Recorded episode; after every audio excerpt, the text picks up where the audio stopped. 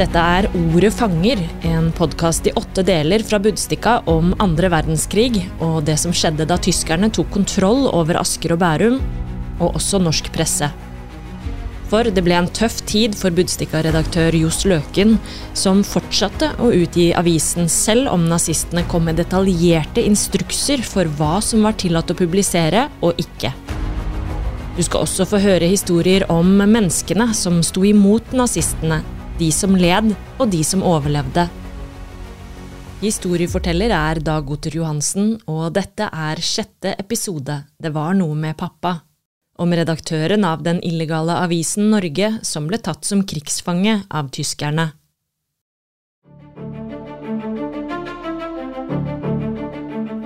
En ettermiddag kom Kari Ask hjem fra jobben til Parksvingen på Stabekk. Det hvite huset var Karis barndomshjem, og hun hadde nylig flyttet inn i en leilighet i andre etasje, 20 år gammel. I døra sto faren Sigvart. Han hadde kommet seg på beina igjen etter et hjerteinfarkt, men nå kunne Kari se at faren var stresset. Jeg må snakke med deg, hvisket han. Huset er avlyttet, sa han. Og tyskerne. Da ble Kari redd. Det var 32 år siden krigen var slutt.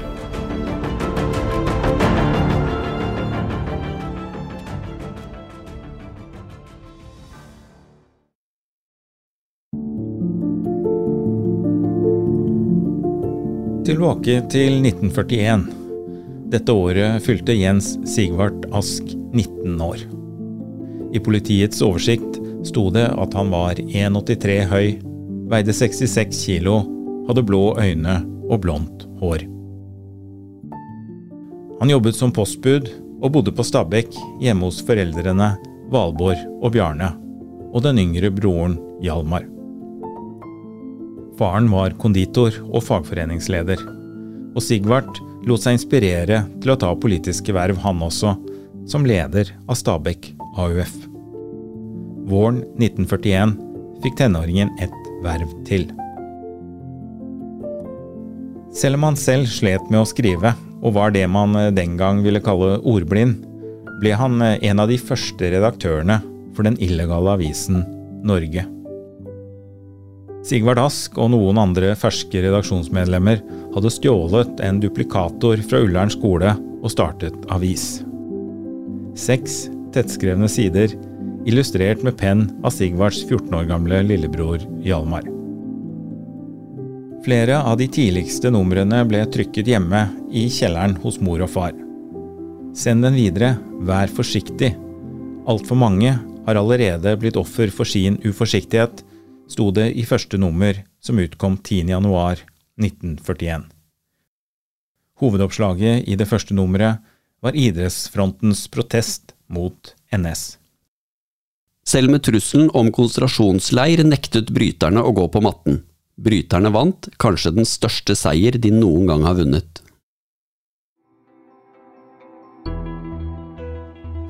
Toppsaken i Budstikka samme dag var Gunnar Knutsen begynner konsertene før tiden.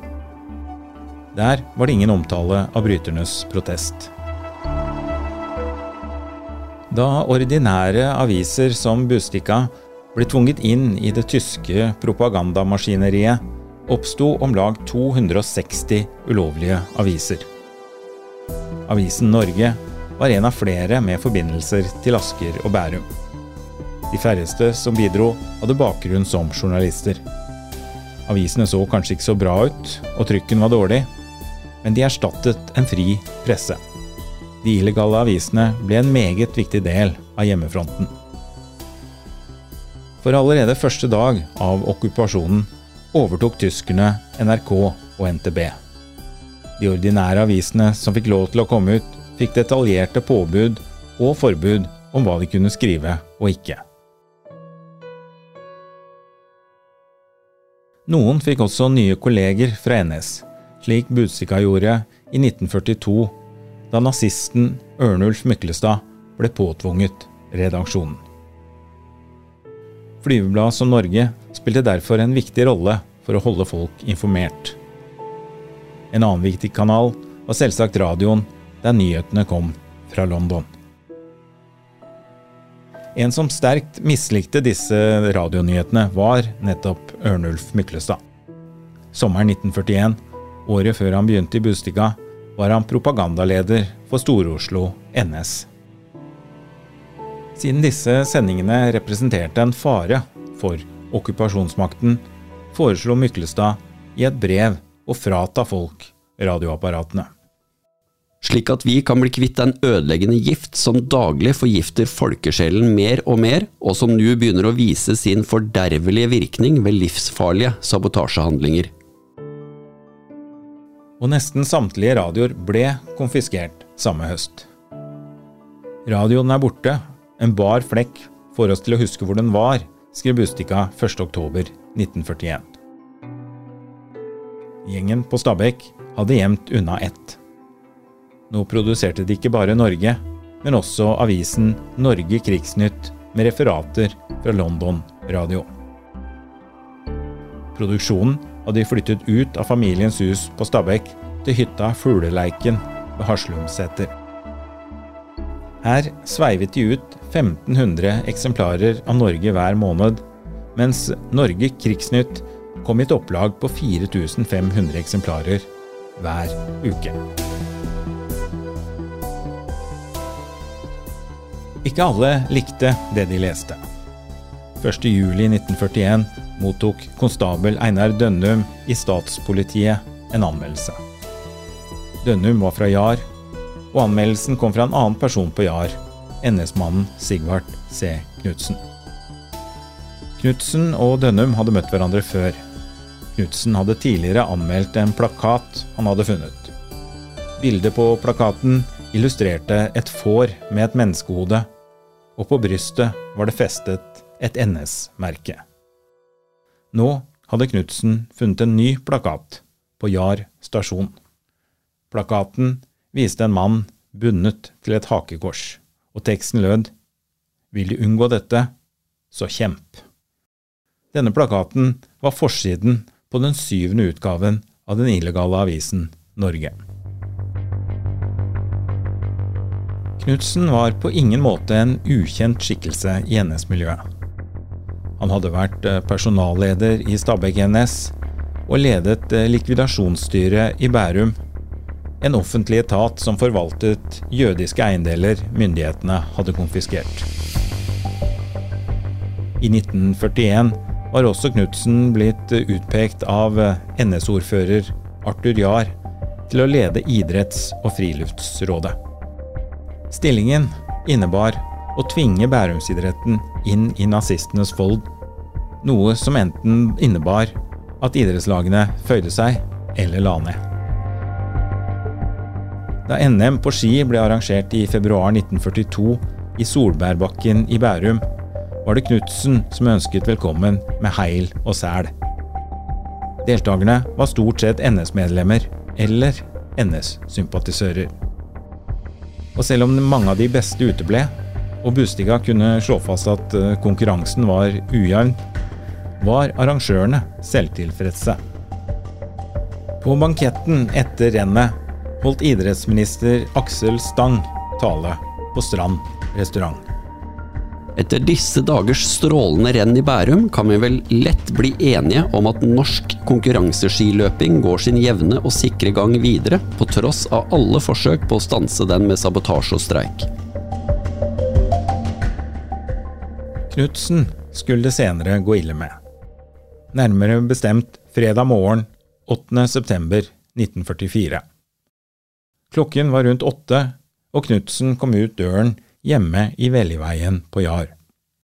Han var da avdelingssjef i Bærum kommune og skulle på jobb i rådhuset. Så langt kom 56-åringen aldri. Rapportene om hva som skjedde, spriker. Det er usikkert om Knutsen ble skutt av noen som satt i en ventende bil, eller om han ble skutt gjennom vinduet i en forbipasserende bil. Uansett, det som er sikkert, er at Knutsen ble truffet av prosjektiler fra to ulike våpen.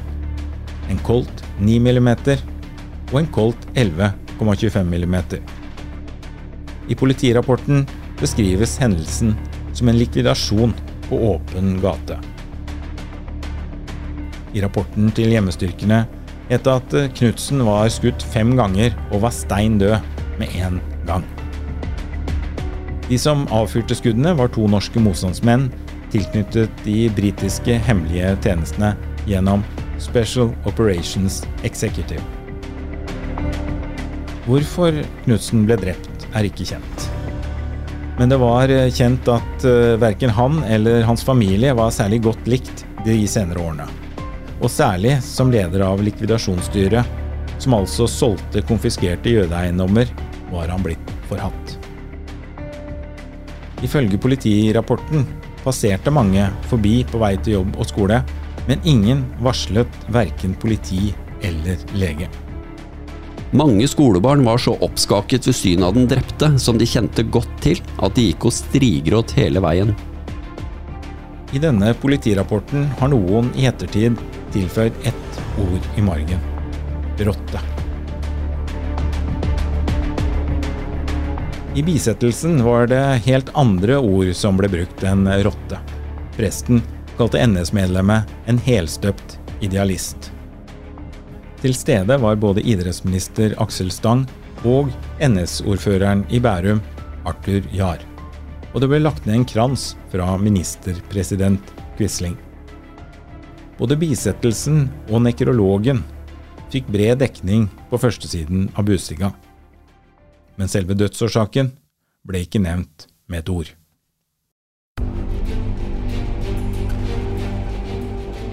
Tilbake til 1941 igjen. For brødrene Ask ble det dramatisk i oktober dette året. Lillebror Hjalmar unnslapp så vidt da han oppdaget en fremmed bil utenfor huset deres. Sigvart derimot ble pågrepet på Ullern kirkegård og protokollen viser at han ble skrevet inn i arresten klokken 04.30 natten til 29. oktober.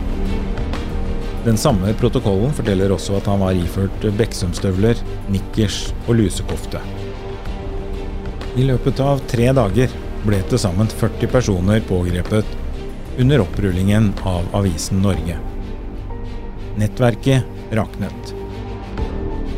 Blant dem som forsvant fra Bærum denne høsten, var nesten hele familien Brunvoll fra Jar. Mor Kirsten, far Jonas og eldstesønnen, som også het Jonas. Alle tre ble sendt til tyske konsentrasjonsleire, men overlevde. Familiens yngste, Gunnar på 17, hadde også vært redaktør for Norge. Han klarte å flykte. Om opprullingen av dette nettverket står det ingenting i Bustika. Etter pågripelsen på Ullern kirkegård ble Sigvart Ask først sendt til Bredtvet. Det første brevet hjem til mamma, pappa og lillebror kom herfra 2.11.1941. Jeg har det bra her, så dere kan ta alt med ro. Maten er også bra her, skjegget trives veldig bra, så dere får sende meg barbersakene og rent undertøy. Tiden blir lang når jeg ikke har noe å lese på, så dere får sende meg bind nummer én av Bærumshistorien og noen mystikk som dere sikkert kan få av Odd. 10. mars 1942, nøyaktig ett år etter første utgivelse av Norge, ble 28 personer i det illegale avisnettverket tiltalt. Saken gikk for den nye politiske folkedomstolen. Sigvart hadde ennå ikke fylt 21 år og var derfor ikke myndig. Pappa Bjarne måtte stå som verge. 4000 personer ble, som Sigvart Ask, arrestert pga. illegale aviser under krigen. 212 av disse kom aldri hjem igjen. 91 døde i tyske konsentrasjonsleire, 62 ble henrettet. Sigvart på sin side fikk fire års fengsel og kom to dager etter rettssaken til Møllergata 19, et sted kjent for brutale avhør. Her var bl.a. en journalist i Drammensavisen Fremtiden torturert til døde for sin befatning med den illegale avisen Alt for Norge. Også Sigvard Ask ble utsatt for tortur i Møllergata 19. Men det fikk ikke familien vite før lenge etter krigens slutt. I mellomtiden ble han sendt til Grini. Herfra sendte han brev hjem til familien, brev som var godkjent og stemplet av de tyske sensurmyndighetene. 20.2.1943 skrev han fra Grini at han håpet det sto bra til hjemme, og at han for sin egen del ikke kunne klage. Han savnet familien, men møtte venner på Grini. Han ble en del av en AUF-gjeng som i dypeste hemmelighet møttes to timer hver søndag i en kjeller. Her diskuterte de ikke bare krigen, men hvilke politiske og økonomiske utfordringer som ventet den dagen krigen tok slutt. Samtalene varte regelmessig fram til sommeren 1943, da de fleste av deltakerne var sendt til fangeleire i Tyskland. En av disse, mannen som ledet diskusjonen i kjelleren, var Trygve Bratteli, som senere skulle bli statsminister. Han ble sendt til fangenskap i Tyskland, og Bratteli overlevde så vidt, han veide kun 47 kilo da han kom hjem. Sigvard Ask har senere fortalt til sine barn at han satt på samme buss som Bratteli i retning Tyskland, men at han ble syk og sendt tilbake til Grini. 11. desember 1944 skriver han. Det er en stund siden jeg hadde julen sammen med dere nå. Det er jo synd at vi skal feire den på hver vår kant, men det får gå denne gang også. Familien sendte lesestoff. 8. januar 1945 takker han for å ha fått Budstikka, en avis som lenge var tillatt på Grini. Og noen uker senere så står det en liten personlig hilsen i avisen. Hallo, Sigvart. Gratulerer med dagen. Hilsen Valborg, Bjarne og Hjalmar. Dette var fire dager før Sigvarts 23-årsdag. Mange, ifølge Bustika utallige, krigsfanger skal ha fått slike hilsener gjennom avisen. Enten i form av annonser eller hyggelige barnebilder.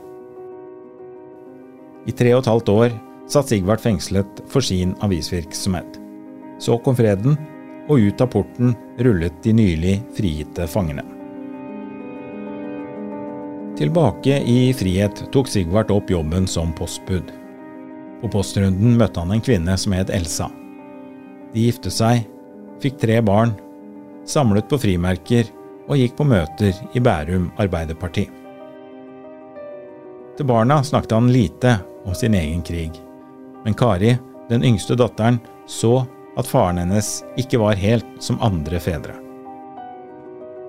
Han stappet kjøleskapet med mat.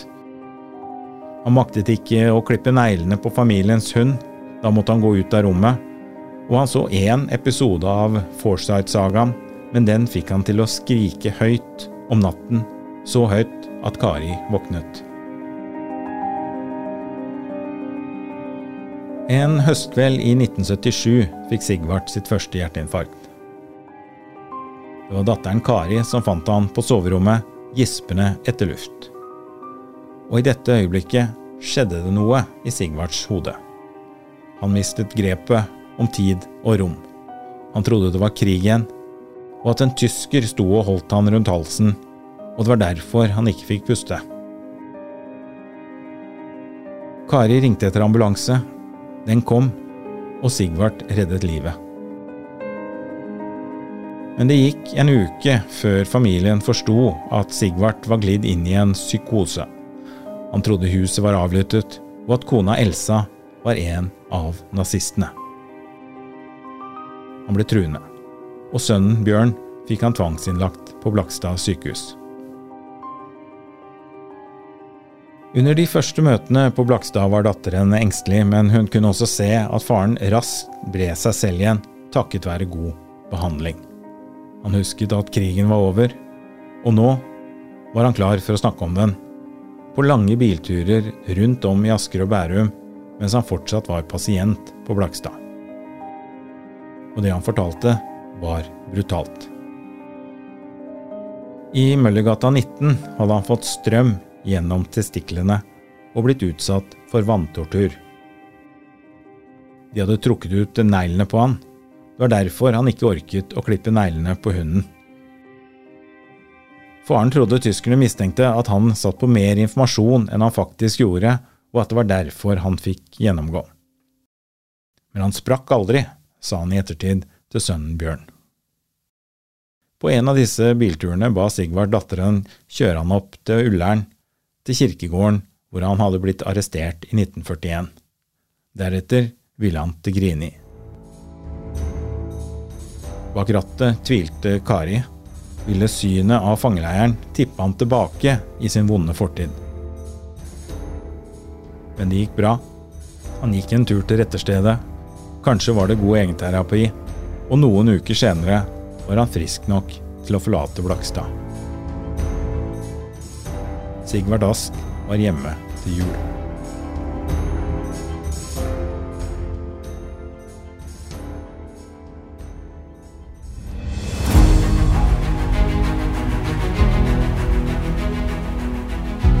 Du har hørt sjette episode av Ordet fanger, en podkast om Budstikkas historie under andre verdenskrig. Og i neste episode får du høre om hva som skjedde da freden kom til Asker og Bærum. Historiene du får høre i denne podkasten, baserer seg på et magasin som Budstikka utga i 2018. I det arbeidet ble Budstikkas eget avisarkiv brukt, i tillegg til en rekke nasjonale og lokale arkiver og andre skriftlige og muntlige kilder. Tekstene til denne episoden er skrevet av Kine Thorsen og Sissel Wold. De ble bearbeidet og lest av Dag Otter Johansen og Morten Øverby. Produsent er meg, Ingvild Vederhus. Konstituert ansvarlig redaktør er Anniken Renslo Sandvik.